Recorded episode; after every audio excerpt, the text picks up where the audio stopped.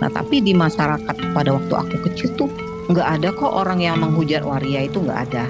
Kemudian ketika aku ke Jakarta ternyata kehidupan waria itu lebih lebih keras lagi gitu. Serial Hikayat Kebo karya Linda Kristanti. Cerita tentang mereka yang mencoba berjuang di tengah ketidakadilan. Selamat menyaksikan lewat suara.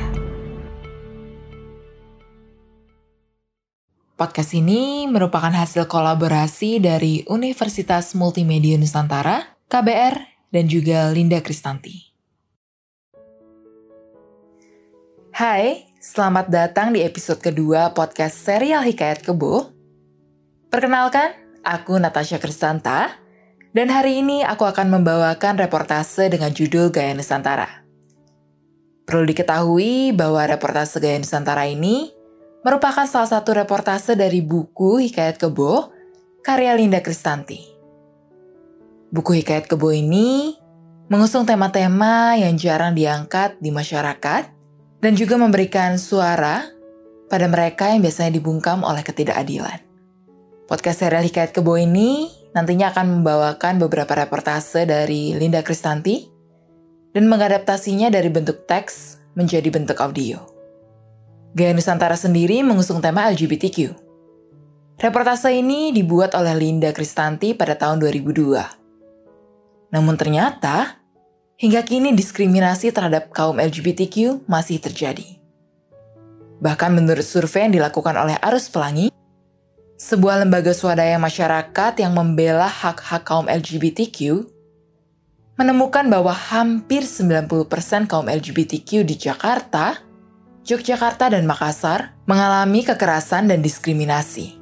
Reportase Gaya Nusantara ini juga banyak membahas tentang diskriminasi yang dialami oleh kaum LGBTQ. Sekarang langsung saja kita dengarkan reportase Gaya Nusantara. Suka duka Dede Utomo membangun organisasi dan media pertama kaum homoseksual di Indonesia.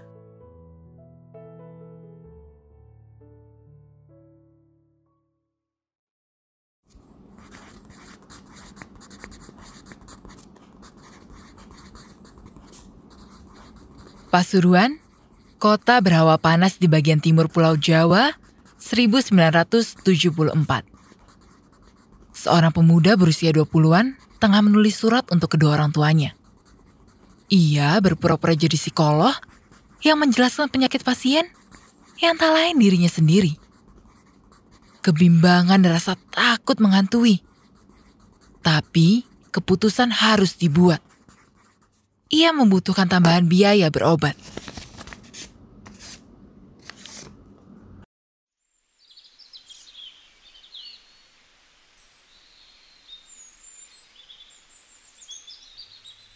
Sore itu, ayahnya masih bertandang ke rumah teman. Sedang ibunya sibuk menjaga toko kelontong yang menyatu dengan rumah mereka. Koran. Di kota ini, surat kabar nasional tiba sore hari. Ia menyelipkan surat tadi dalam lipatan surat kabar tersebut.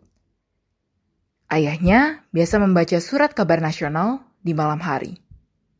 Papi akan menemukan surat ini.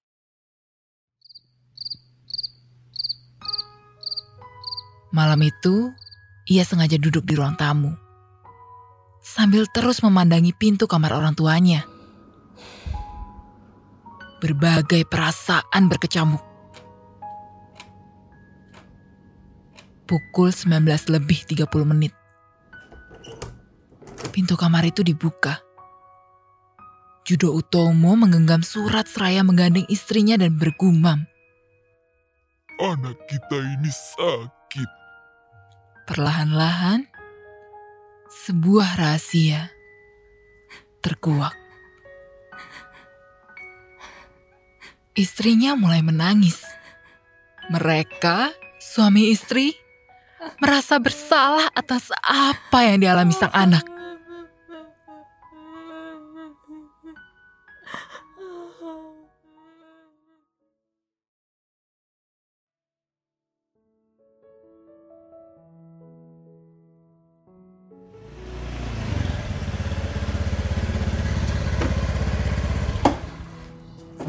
Januari 2002. Lelaki itu berdiri di teras rumahnya. Mengenakan kaos oblong coklat pudar dan celana pendek katun abu-abu. Tubuhnya agak gemuk dengan tinggi di atas rata-rata orang Indonesia. Lingkaran-lingkaran hitam mengitari sepasang matanya yang sipit. Menandakan waktu lelapnya yang tak panjang. Ia kini dosen luar biasa di Fakultas Ilmu Sosial dan Ilmu Politik Universitas Erlangga, Surabaya, dan mengelola majalah homoseksual Gaya Nusantara. Tiga tahun lalu kami pernah bertemu di sebuah pertunjukan kesenian rakyat di Taman Ismail Marzuki, Jakarta. Maukah Anda menunggu satu jam saja? Saya mau istirahat sebentar. Anda bisa ngobrol dengan Jonet dulu. Tidak apa-apa kan? Satu jam saja. Jonet adalah seorang redaktur GN Saya pun mengikutinya masuk ke ruang tamu. Ruang tersebut berbentuk manjang, agak gelap dan kelihatan tak terawat.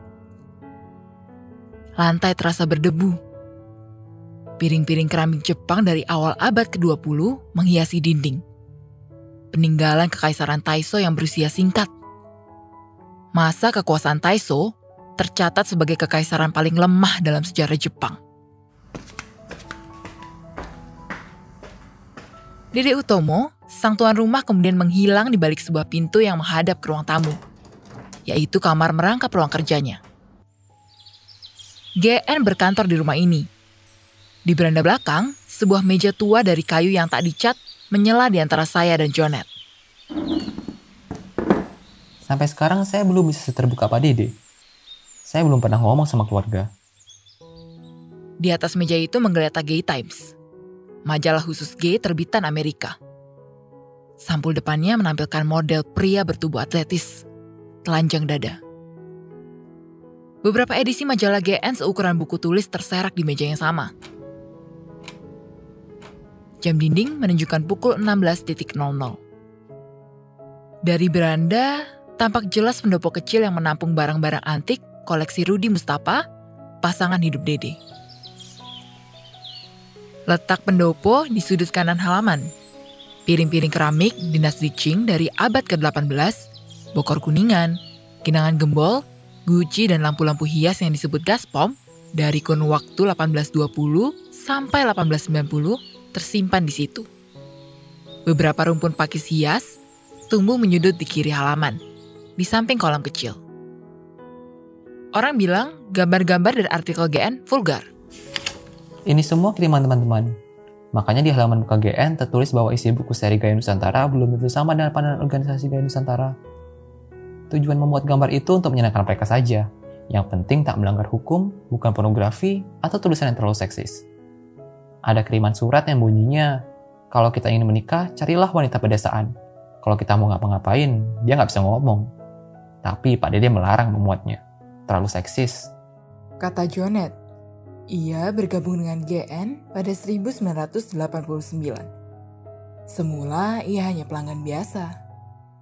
Terus saya baca di rubrik gaya bersambut Pak Dede ngeluh gak ada tenaga. Suatu hari saya ketemu Pak Dede di tempat fotokopi dan saya bilang, katanya kekurangan tenaga, boleh saya bantu? Oh ya, datang aja ke rumah, kata Pak Dede. Selain ikut mengelola GN, Jonet bekerja di Surabaya Hotline, pelayanan konsultasi perilaku. Ia juga aktivis Ikatan Pendampingan Anak-anak Surabaya, organisasi sosial yang peduli pada pendidikan anak-anak dari keluarga tak mampu. Satu jam berlalu. Dede menghampiri meja kami. Ia sudah bangun tidur, terlihat lebih segar dan berkata, Nah, sekarang nggak saya tinggal-tinggal lagi deh. Hari berangsur gelap. Jonet menyalakan lampu neon 20 watt. Luita Haribowo yang mengurus sirkulasi GN asik mengetuk jari-jarinya di atas keyboard komputer rakitan di belakang kami. Merapikan data. Saya coming out pada 1979-1980. Semua orang yang saya kenal, saya beritahu. Saya kirimin kartu Natal, surat. Saya coming out-nya kayak aktivis. Saya langsung bergabung dengan grup gay dan lesbian di kampus dan ikut aksi. Pada 1978, ia memperoleh beasiswa dari Universitas Cornell Amerika Serikat untuk melanjutkan kuliah di tingkat doktornya di studi Asia Tenggara. Cornell menjadi salah satu kampus pertama di Amerika yang memiliki komunitas gay dan lesbian. Mulanya mereka bertemu secara gelap-gelapan di kamar seorang peser Marxis, New Left, Daniel Barigan, yang kemudian mencopot jubahnya. Tuturnya mengungkap sejarah komunitas. Di musim semi 1980, berlangsung sebuah reuni alumni universitas tersebut dan jadi momentum yang berpengaruh pada kesadaran Dede. Di sana, ia berjumpa Bob Rock, aktivis yang mengajarinya tentang organisasi. Dia orang yang istimewa, sekarang sudah meninggal dunia. Dia ini lawyer berwawasan internasional. Saya cerita, saya surat menyurat dengan orang-orang. Terus dia bilang, kamu gak coba menghubungkan orang-orang ini? Yang sama-sama di Solo, yang Solo sama Semarang. Dari situ saya dapat ide untuk bikin network. Setelah tulisannya yang berjudul Aku Menemukan Pribadiku Sebagai Homoseks itu dimuat di Anda, majalah perilaku pada Juli 1980, 15 pria dari berbagai kota di Indonesia menyurati Dede. Mereka ingin berbagi pengalaman dan bertukar pikiran. Teman menjadi penting ketika keluarga masih menganggap identitas anggota mereka yang homoseksual sebagai aib dan memalukan. Namun, gagasan menyatukan orang-orang senasib ini belum menemukan bentuk yang sesuai.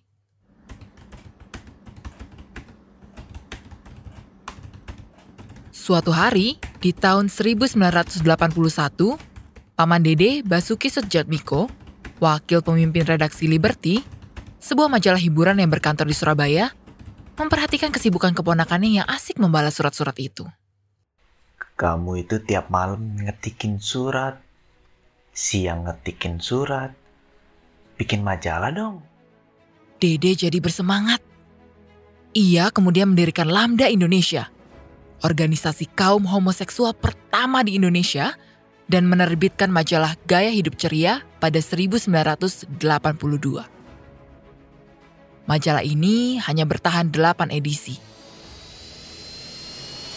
Pada pertengahan 1983, ia harus kembali ke Amerika Serikat untuk menyelesaikan disertasi. Lambda sebagai organisasi nggak jelas. Ini bukan kesalahan teman-teman, karena yang berani terbuka kan saya. Ketika ia kembali ke Indonesia, isu homoseksual ternyata mulai memperoleh tempat di berbagai media massa. Wacana ini perlahan dibuka. Liputan gay di media massa makin banyak. Ada seminar di Universitas Gajah Mada, si KM ngomong, lalu majalah Sarina juga memuat, koran Jawa Pos juga muat. Yang paling besar sebetulnya peran media dari luar, ketika Martina Navratilova coming out. Terus orang baca Time, ada gay liberation.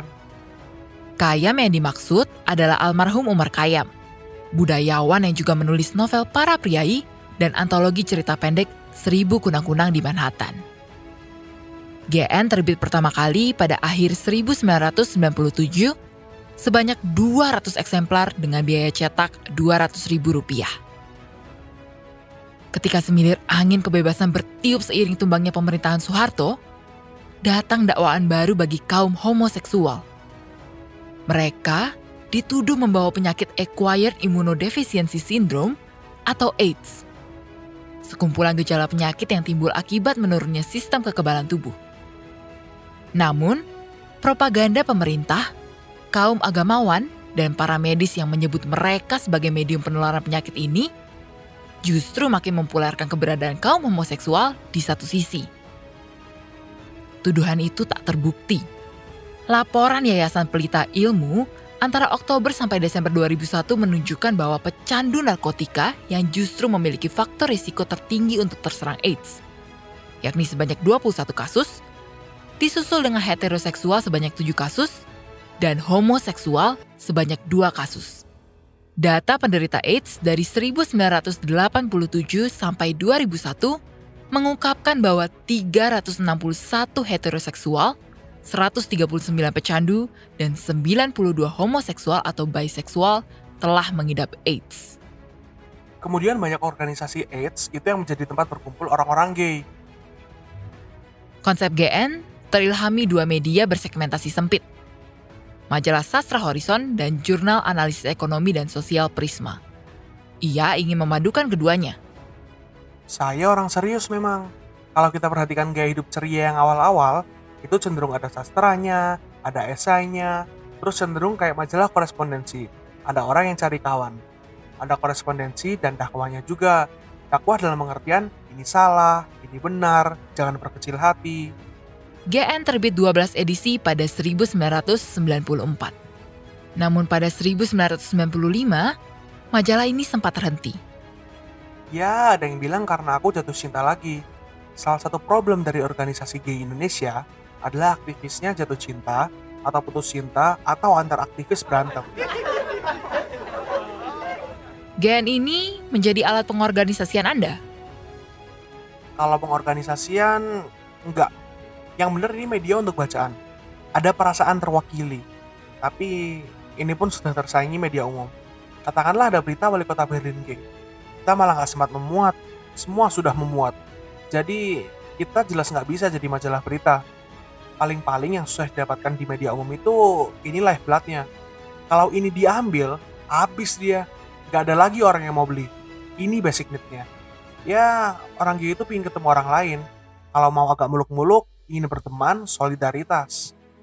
Ujarnya, seraya memperlihatkan halaman GN yang berisi rubrik perkawanan.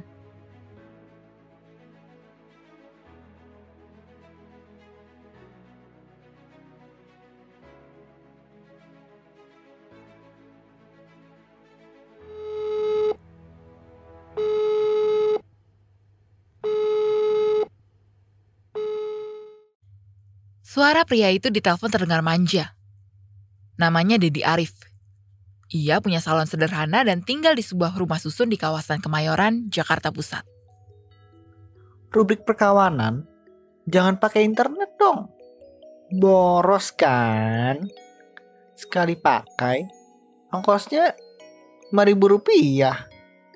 Kalau masih belum terbuka sama keluarga, sama orang tua, bisa pakai PO Box. Seperti saya, punya teman di Toli-Toli, Surabaya, kalau pakai pos, seribu rupiah. Purworejo juga. Kebanyakan pembaca GN kan menengah ke bawah. Ada internet-internet, nggak ngerti. Mereka pakai internet itu kan yang punya pabrik mie. Dedi paling menyukai rubrik perkawanan. Ia pernah menjadi model sampul GN nomor 75 yang terbit pada November 2000. Akibatnya, ia memperoleh 1571 surat dari berbagai kota di Indonesia dan negara di dunia. Ada yang dari Portugis, kebanyakan sih dari Surabaya, Jatim, Kalbar, NTB, NTT, sama Bandung. Malahan ada loh yang suka kirim kue. Yang sampai sekarang saya belum ketemu tuh sama orangnya. Profesinya aja juga macam-macam. Ada dokter, eh, ada yang kerja di Libang Lipo, ada BCA, ada di Departemen Agama, Departemen Kehakiman, hmm, guru.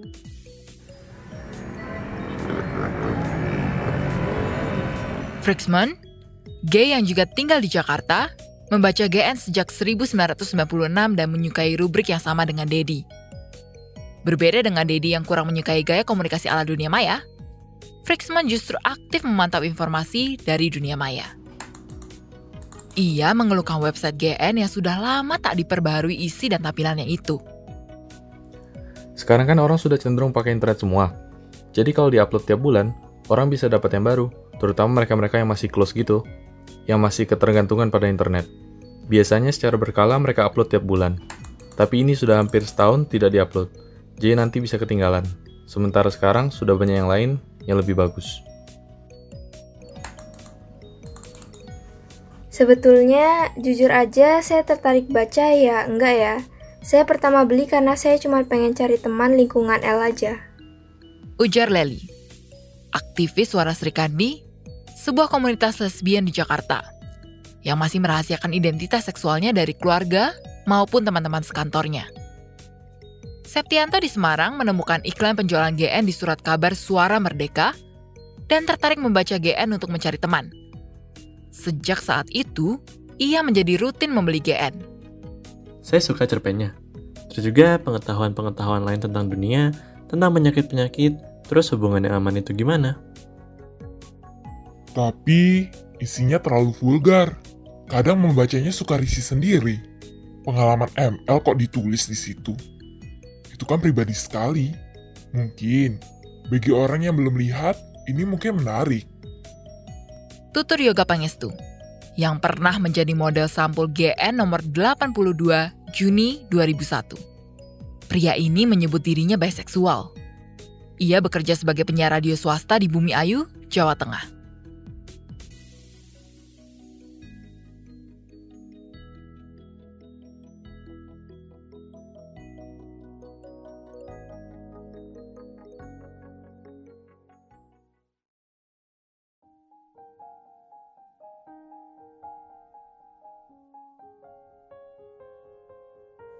Benedict Anderson, seorang peneliti Indonesia, menganggap GN ini agak miskin dalam hal isi dan perwajahan dibanding majalah sejenis yang beredar di Thailand. Terus majalah-majalah ini kadang-kadang ada sebagian orang yang tengah umur, sedangkan gaya diarahkan 100% kepada anak muda. Tulisnya dalam sebuah email kepada saya – Ben ingin penggunaan ejaan lama surat-suratnya dipertahankan saat menjadi kutipan. Hotman Siahaan, rekan Dede sesama dosen juga menyimak GN. Namun, ia merasa tak berhak memberi penilaian. Orang bisa saja bilang gay itu vulgar. Tapi dari sudut mana melihatnya? Bagi saya, majalah khusus untuk orang-orang dari kelompok itu pastilah disesuaikan karakteristiknya dengan audiensnya. Mungkin ada luberan pembaca yang bukan dari kelompok tersebut yang ingin tahu, ya. Itu sudah konsekuensi dia. Penilaian mereka ini harus dibedakan dengan penilaian audiensnya dia, Gaya Nusantara. GN sekarang dicetak 400 sampai 500 eksemplar dengan biaya sekitar 2 juta tiap bulan. Pendistribusiannya melalui sejumlah agen yang tersebar di berbagai kota, salon-salon kecantikan dan jaringan GN. Seperti Gaya Priangan di Bandung, Ikatan Persaudaraan Orang-orang Sehati di Jakarta, dan Lentera di Yogyakarta. Kalau dihitung matematis memang rugi, tapi kita bisa hidup dari sumbangan yang beli GN tapi membayarnya lebih. Misalnya, satu eksemplar dihargai Rp20.000. Untuk pelanggan perorangan cukup banyak dan dari sini GN bisa hidup. Gaya Priangan membantu mendistribusikan majalah ini sebanyak 50 eksemplar sejak 1994. Omsetnya lumayan, tapi waktu ada homepage, pembeli agak menurun. Tapi kan nggak dimuat semua info dalam homepage. Ada yang mengaku susah menyimpannya, naruhnya di mana katanya. Ada yang terus dipinjam ya sudah nggak dikembalikan. Masih ada ketertutupan semacam itu, tapi nggak semua. Kata Franklin Leider, ketua Gaya Priangan. Ketertutupan itu pula yang membuat cara pemasaran majalah ini menjadi unik. Kalau mereka datang, kita biasanya udah bungkusin majalahnya pakai koran. Ada juga yang minta dianterin ke ujung gang. Kita layani. Ada juga yang minta diantar ke hotel atau kos mereka. Tapi yang begini nggak banyak, sekitar 20%. Sikap pembeli pun antusias. Kebutuhan mereka macam-macam, mulai dari mencari referensi untuk skripsi sampai mencari kawan. Tapi lebih banyak perkawanan, 85%. Namun, sejak dua tahun lalu, Gaya Celebes berhenti mendistribusikan GN di Makassar, Sulawesi Selatan. Alasannya, tak ada yang mengelola dan tak ada pembeli. Beredarnya pinjam-meminjam, belum ada yang berani beli, dibaca di sekretariat kita. Akhirnya stok menumpuk. Banyak peminat pembaca, bukan peminat pembeli bukan gak mau beli, tapi belum. Ujar seorang aktivis gaya selebes yang menolak menyebutkan namanya. Kendalanya adalah masih ada ketertutupan di kalangan ini. Rasa takut dan was-was membayangi benak kaum homoseksual. Bermacam stigma yang diberikan pada mereka, seperti pendosa atau mengalami gangguan jiwa, membuat tak semua orang berani membuka diri. Sanksi sosial yang bakal diterima juga tak ringan. Dalam perbincangan kami di Surabaya, Jonet menegaskan, Pelanggaran hak asasi yang pertama itu sering terjadi dalam keluarga malahan. Makanya saya katakan, kamu berprestasilah, punya banyak uang, karir sukses.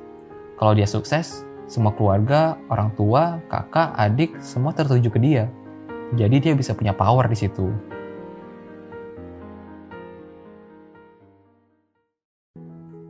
Homoseksualitas di Indonesia punya akar pada tradisi. Jejak-jejaknya masih terlihat dalam catatan para antropolog dan kitab-kitab tua. Snokhugroñe, seorang peneliti Aceh pada abad ke-19, mengungkapkan bahwa lelaki Aceh amat menyukai budak penari mereka yang berkelamin sejenis untuk menjalani pederastic habit atau kebiasaan berkasih-kasihan dengan anak muda.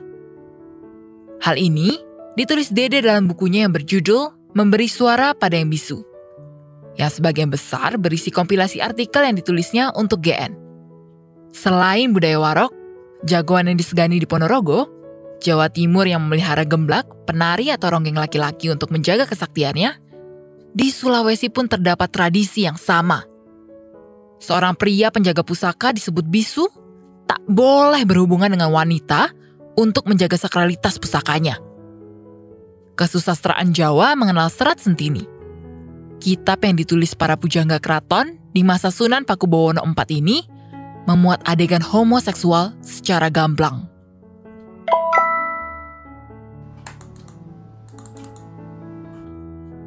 Saya pernah ada usul kepada Dede untuk muat terjemahan bagian-bagian dari Sentini.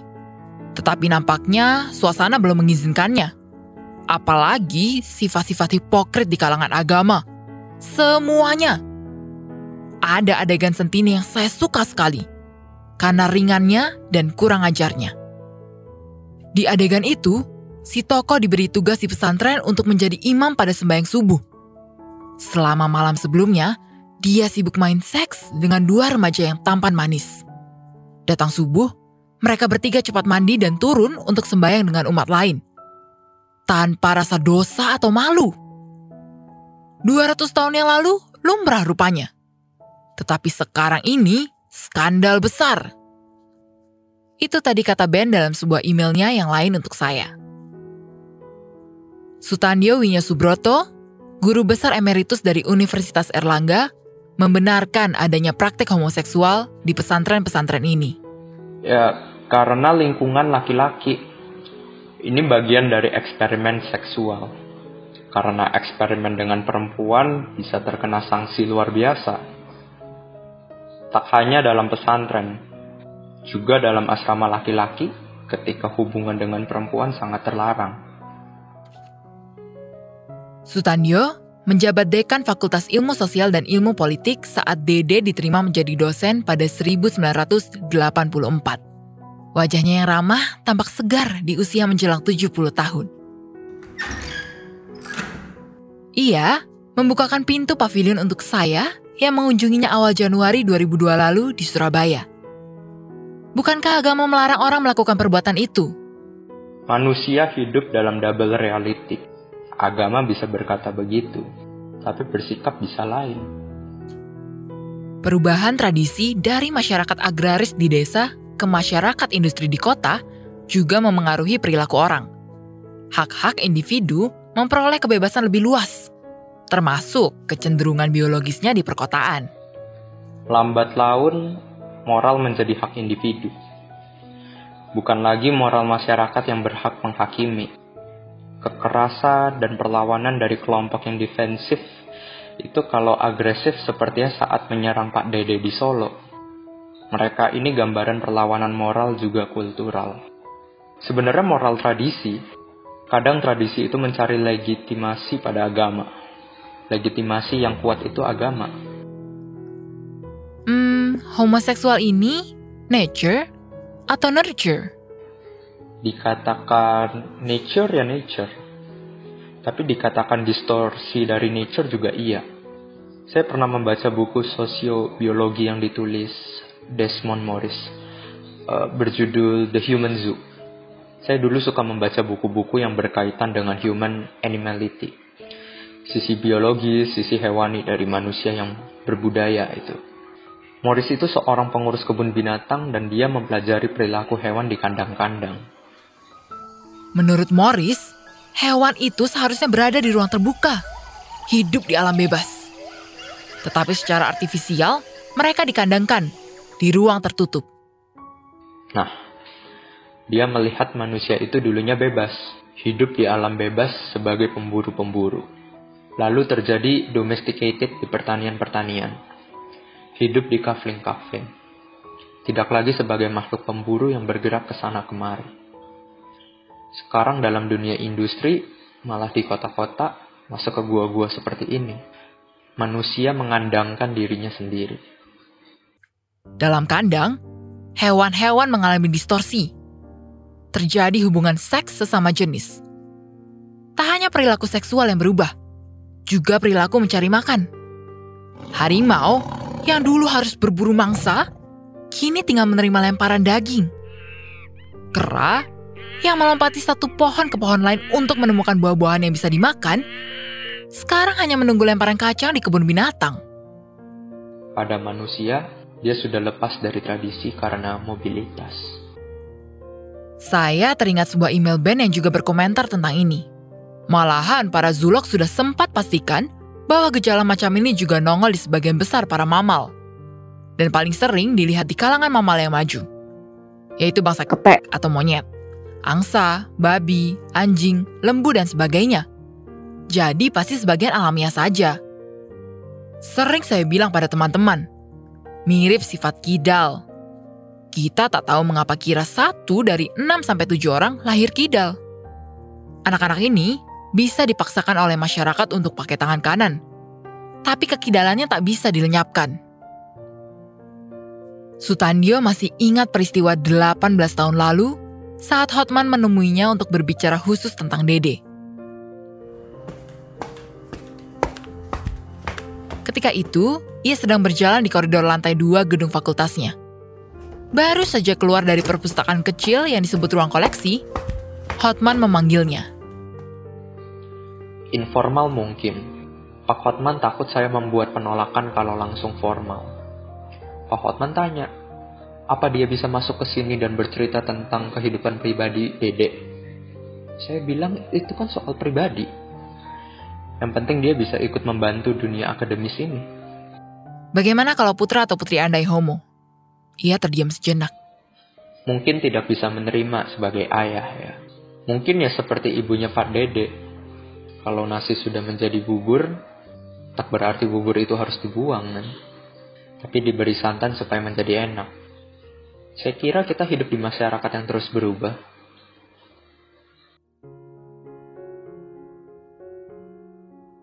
Kemajuan di bidang psikiatri memberikan legitimasi berikutnya pada perilaku ini. Bila dulu homoseksual dianggap suatu bentuk penyimpangan jiwa, kini tidak lagi banyak teori tentang etiologi homoseksual telah berjalan jauh dibanding setengah abad lalu. Sigmund Freud yang menemukan fase odipal yang cacat pada anak sebagai penyebab perilaku tersebut menjadi terdengar kuno. Alfred Charles Kinsey, seorang dokter Amerika, melakukan penelitian terhadap sekitar 5.000 kaum homoseks pada 1940-an dan mencipta skala bergradasi nol atau heteroseksual eksklusif sampai 6, yaitu homoseksual eksklusif. Ia menyimpulkan 37% pria Amerika pernah melakukan hubungan seks sesama jenis, dan 10% dari mereka itu homoseksualan. Pada 1956, Evelyn Hooker, seorang psikolog menyempurnakan kerja pendahulunya. Hooker meneliti sekelompok homoseksual dan heteroseksual yang menjalani hidup normal, tanpa keluhan psikis. Hasilnya, ia sama sekali tak menemukan perbedaan secara psikopatologis di antara kedua kelompok tersebut. Perbedaannya hanya seleranya. Nah, kalau orang homoseksual tak merasa menderita, dalam kehidupan dia bisa berfungsi baik. Perbedaannya hanya terletak pada apa yang dia perbuat di ranjang. Tutur Lukas Mangindaan, dokter di bagian psikiatri Rumah Sakit Cipto Mangunkusumo. Hasil penelitian ini telah mendorong American Psychiatric Association menghapus homoseksualitas dari kategori gangguan jiwa pada 1973. Saya bercakap-cakap dengan Lukas di ruang kerjanya di rumah sakit tersebut. Setelah menerangkan ini dan itu kepada saya, ia berjalan ke arah rak buku, lalu mengambil sebuah buku tebal bersambung hitam yang dipajang di situ.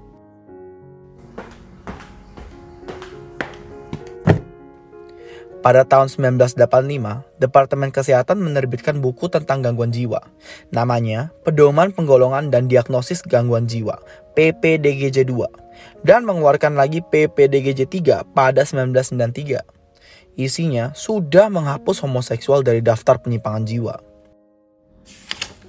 Pada halaman keempat tertera kalimat, Gangguan minat seksual atau disorder of sexual preference dengan jelas dibedakan dari gangguan identitas jenis dan homoseksualitas sendiri tidak lagi dicantumkan dalam suatu kategori.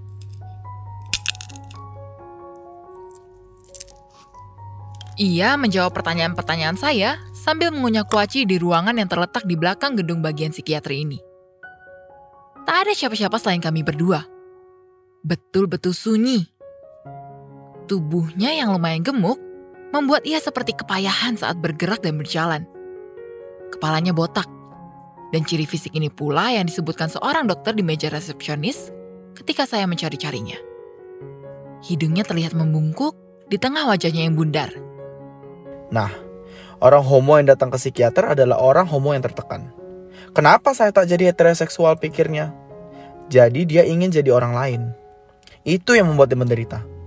Kenapa? Karena masyarakat kita homofobia. Coba you ngomong sama orang awam. Apa pendapatmu tentang homo? Ih, jijik katanya. Bahkan di kalangan dokter saja, masih banyak mereka yang berpikir kalau orang homo itu kerjanya hanya nyodok-nyodok saja. Sodomi. Tapi ada dokter yang berkata kalau itu harus disembuhkan. Perilaku yang tak bermoral dan melanggar agama.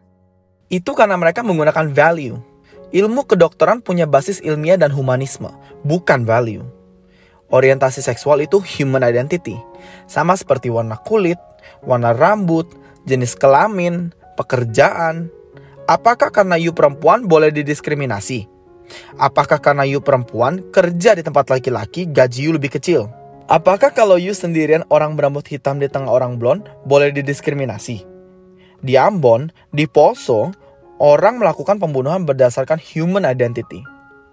Human identity is a neutral. Bila dia mencuri, mencuri is human identity or behavior. Itu behavior. Orang homo yang menyodomi itu behavior. Mengapa penelitian tentang gay lebih maju ketimbang lesbian?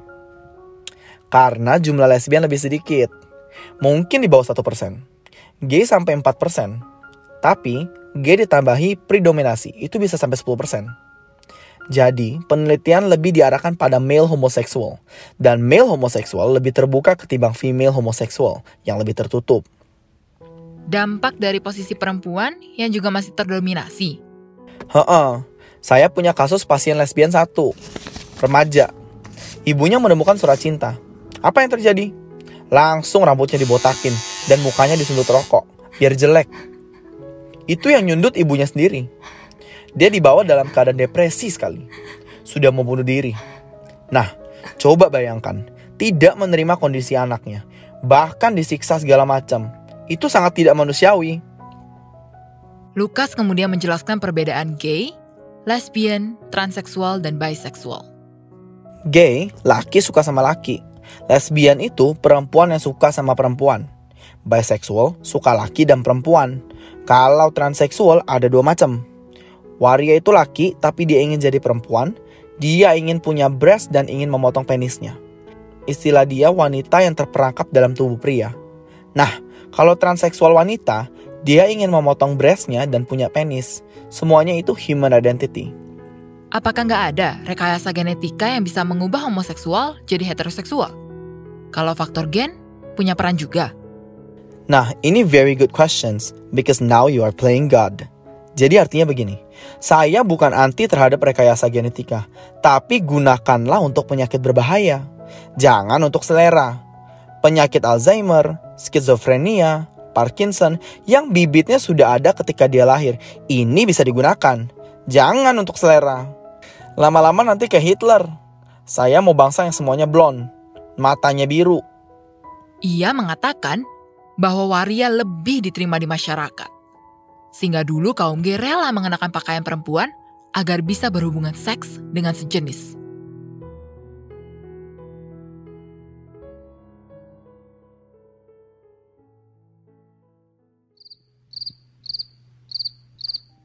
Hari sudah gelap. Pukul 18 lebih 30 menit. Rudy menyiapkan makan malam. Menunya nasi goreng yang dibeli dari penjual keliling. Kami akan makan malam bertiga, sedangkan Jonet, Luita, dan Budi sudah pulang. Dede tak pernah melupakan ucapan selamat Iman Santoso, psikolog yang menanganinya dulu. Dia bilang sama orang tua saya, anak ini nggak bisa diapa-apain lagi, tergantung bagaimana anak ini menyesuaikan diri dengan masyarakat. Sayang sekali, tak bilang langsung sama saya. Tatapannya menerawang.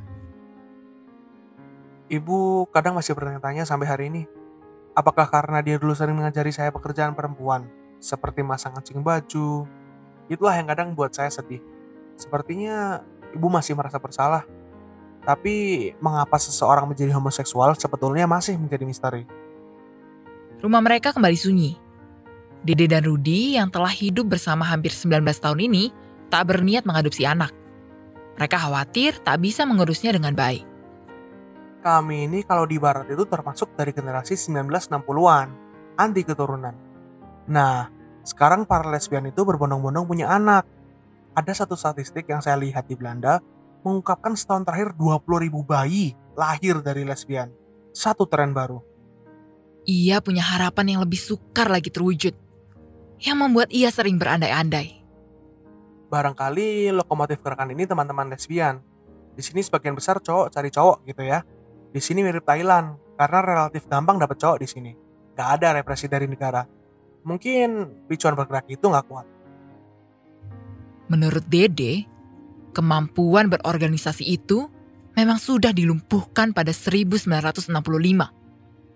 Saat itu, kudeta terhadap pemerintahan Soekarno dilakukan Soeharto dan berbuntut terhadap pembubaran sejumlah organisasi massa yang berbasis rakyat. Ini kalau saya boleh menyalakan 65. PKI lepas dari semua kesalahan yang dikatakan orang, tetap satu organisasi hebat. Kita ini pewaris suatu budaya yang berorganisasi itu agak dilecehkan. Ngapain jadi aktivis? Lain kalau saya perhatikan orang tua di Palestina ketika anaknya ikut intifadah, diantar ibunya dengan doa.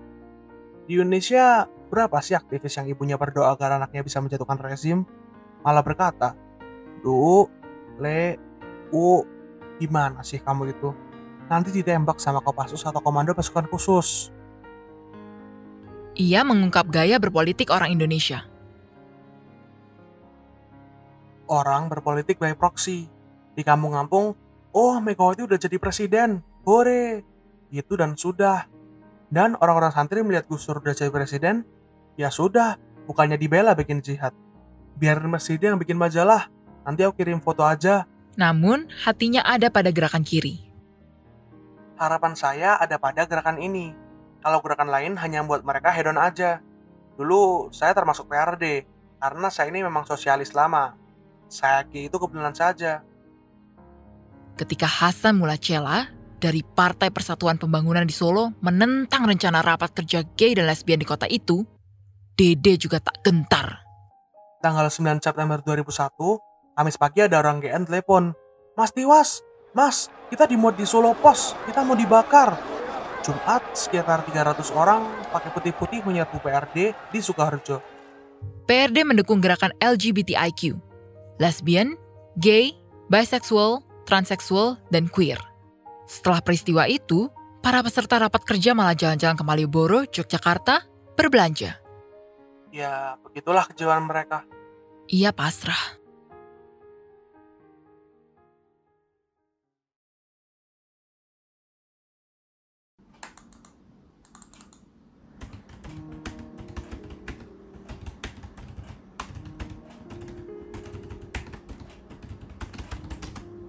Sebuah situs lesbian saya temukan setelah mengetik homoseksualitas dan psikiatri pada mesin pencari www.google.com.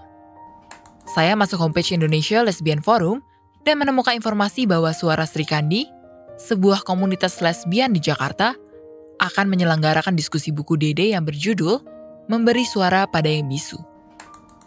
Dalam email berisi pengumuman itu tertera kalimat, tertutup untuk homofobia dan pers.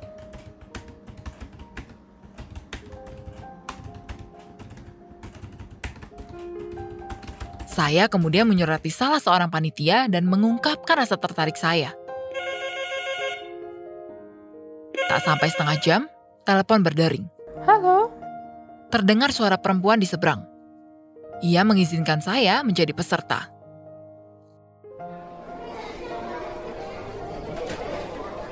...23 Februari 2002. Orang-orang mulai berdatangan ke salah satu ruangan di Wisma Perhimpunan Keluarga Berencana Indonesia yang terletak di daerah Kebayoran Baru, Jakarta Selatan. 50 kursi tersedia dalam ruang diskusi yang dingin itu.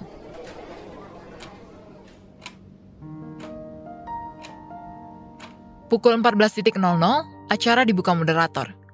Dede sudah hadir. Ini pertama kalinya Suara Sri Kandi mengadakan event bersama teman-teman gay Gaya Nusantara. Semoga nanti kita bisa melibatkan lebih banyak lagi. Kata Dia Kartikasari dari Koalisi Perempuan, organisasi perempuan bertaraf nasional. Peserta yang datang sekitar 20 orang. Tanya jawab pun dimulai. Dalam buku ini tak ada tentang lesbian. Di televisi ada sinetron berjudul Cerita Cinta, menampilkan juga lesbian. Tapi pendidikan lesbian masih raba-raba. Seperti ada kalimat, gue belok, lu belok gak? Kalau kita ingin membuka wacana, mendidik anggota DPR, agar tentang hak-hak lesbian muncul di sana, kita juga harus membuka wacana. Kita masih kayak film American Beauty, yaitu homoseksual yang homofobik yang kalau menyebut dirinya saja pakai tanda kutip itu. Ujar Boni dari Suara Sri Kandi. Ada teman saya dokter, dokter umum, lesbian. Masa dia bilang bahwa lesbian itu suatu penyakit penyimpangan? Padahal dia dokter. Ada teman saya yang kalau lama nggak sama cewek, dia bilang dia bisa sembuh. Kita jangan lagi mengonfrontasikan homoseksualitas dan heteroseksualitas. Ini sama saja dengan gerakan feminis yang dulu keliru dengan bersikap anti laki-laki. Seharusnya dominasi dilawan dengan fraternity, dan kita melawan sesuatu yang singular dengan pluralisme. Ujar Ade Kusumaningrum, satu-satunya peserta yang datang bersama ibunya. Perdebatan-perdebatan terus berlangsung. Mereka, para lesbian dan gay, tengah mencari identitas diri dengan diskusi dan teori-teori. Dede mengatakan ia bukan tak mau menulis banyak tentang lesbian, tapi hanya menulis apa yang diketahuinya saja. Dalam diskusi ini, ia lebih banyak mendengarkan mereka. Sesekali tertawa. Ia seperti menemukan semangat baru. Inilah sebuah dunia yang telah diperjuangkannya selama hampir 20 tahun.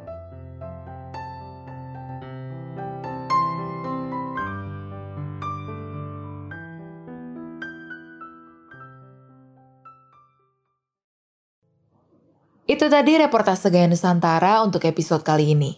Gimana nih pendapat kalian tentang reportase yang kedua ini? Semoga kalian suka ya. Nah, buat kalian yang penasaran, gimana sih cara Mbak Linda Kristanti ini bisa membuat reportase yang sangat mendalam seperti ini?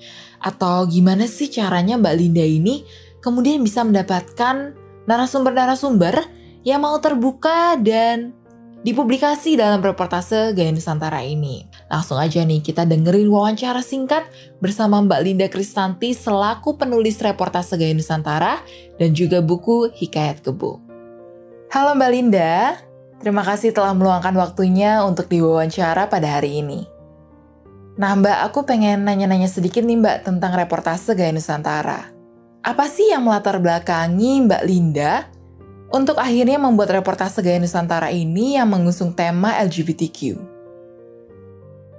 Aku itu sempat menulis cerpen tentang gay gitu.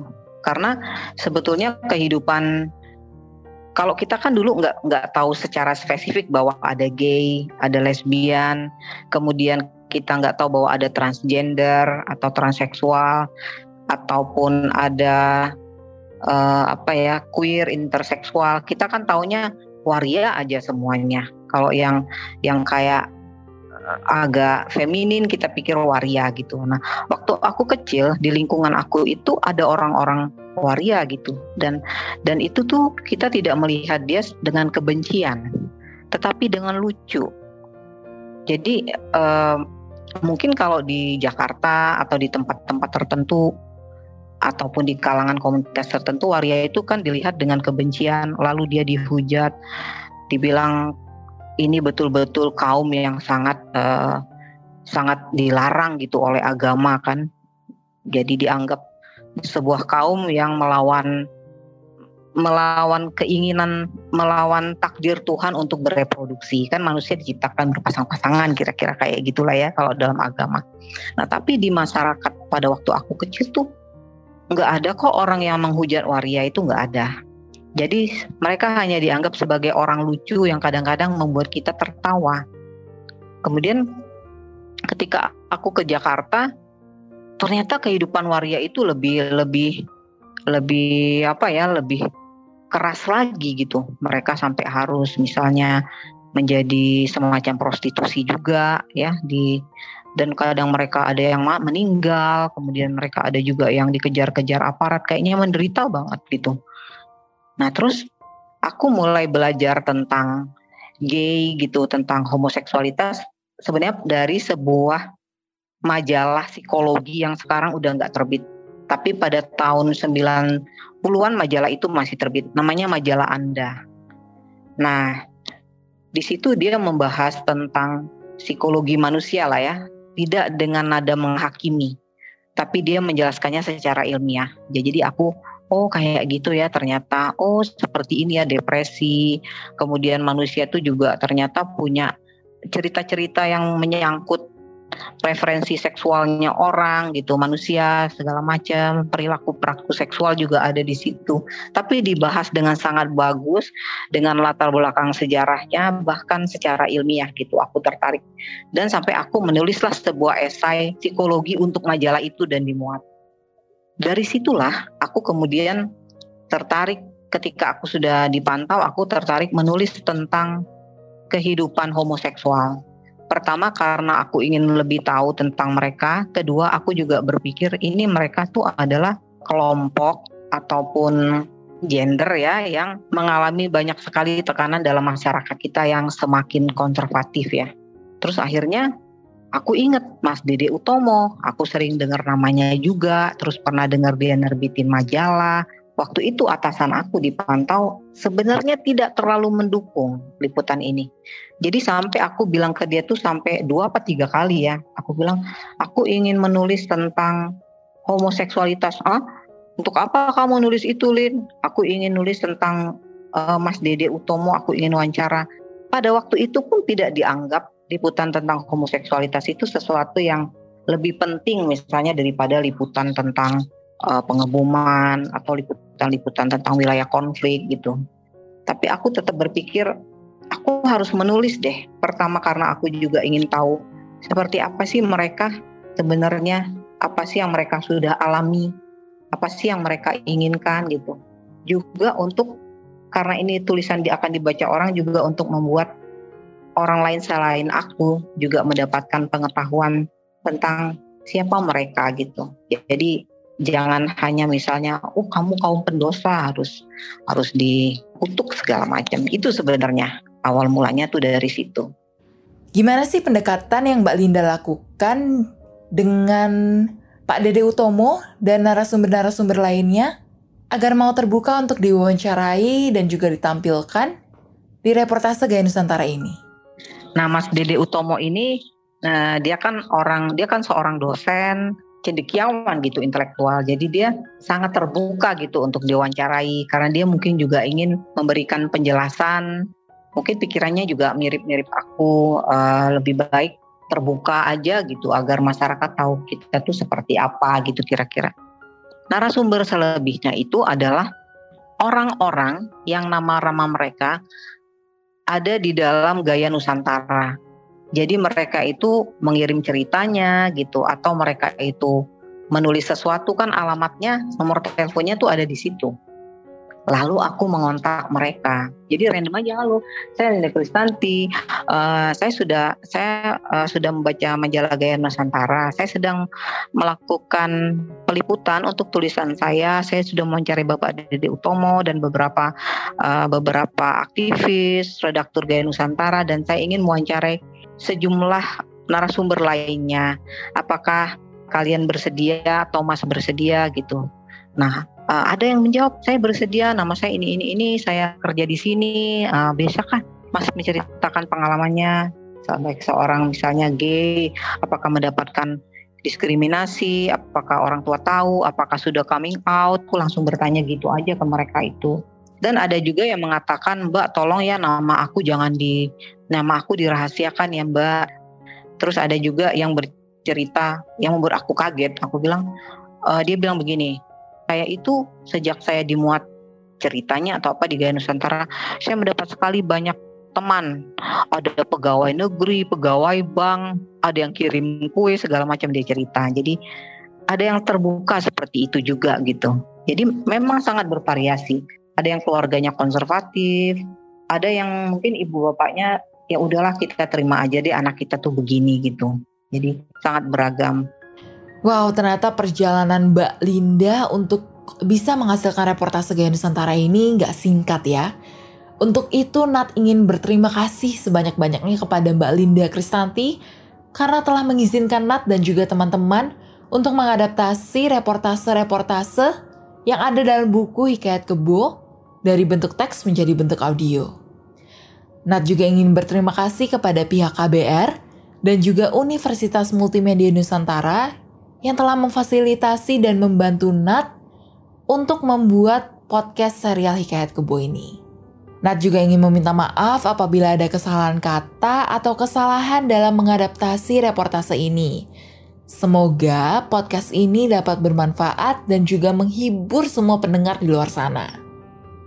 Nah, untuk episode minggu depan nih, tepatnya episode ketiga, salah satu rekan Nat, Adonia, akan membacakan salah satu reportase karya Linda Kristanti yang juga ada dalam buku Hikayat Kebo dengan judul Wiji Tukul dan Orang Hilang.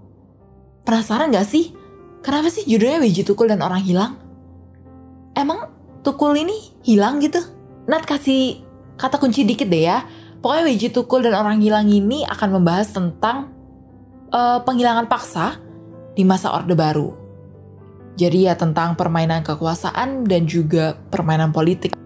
Nah, buat kalian yang penasaran nih, saksikan terus podcast serial Hikayat Kebo ini ya.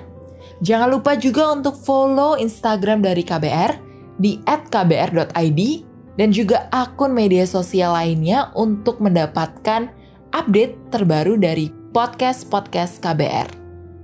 Terima kasih sekali lagi kepada pendengar setia KBR yang telah mendengarkan podcast ini sampai akhir. Aku, Natasha Kristanta, pamit undur diri. Bye.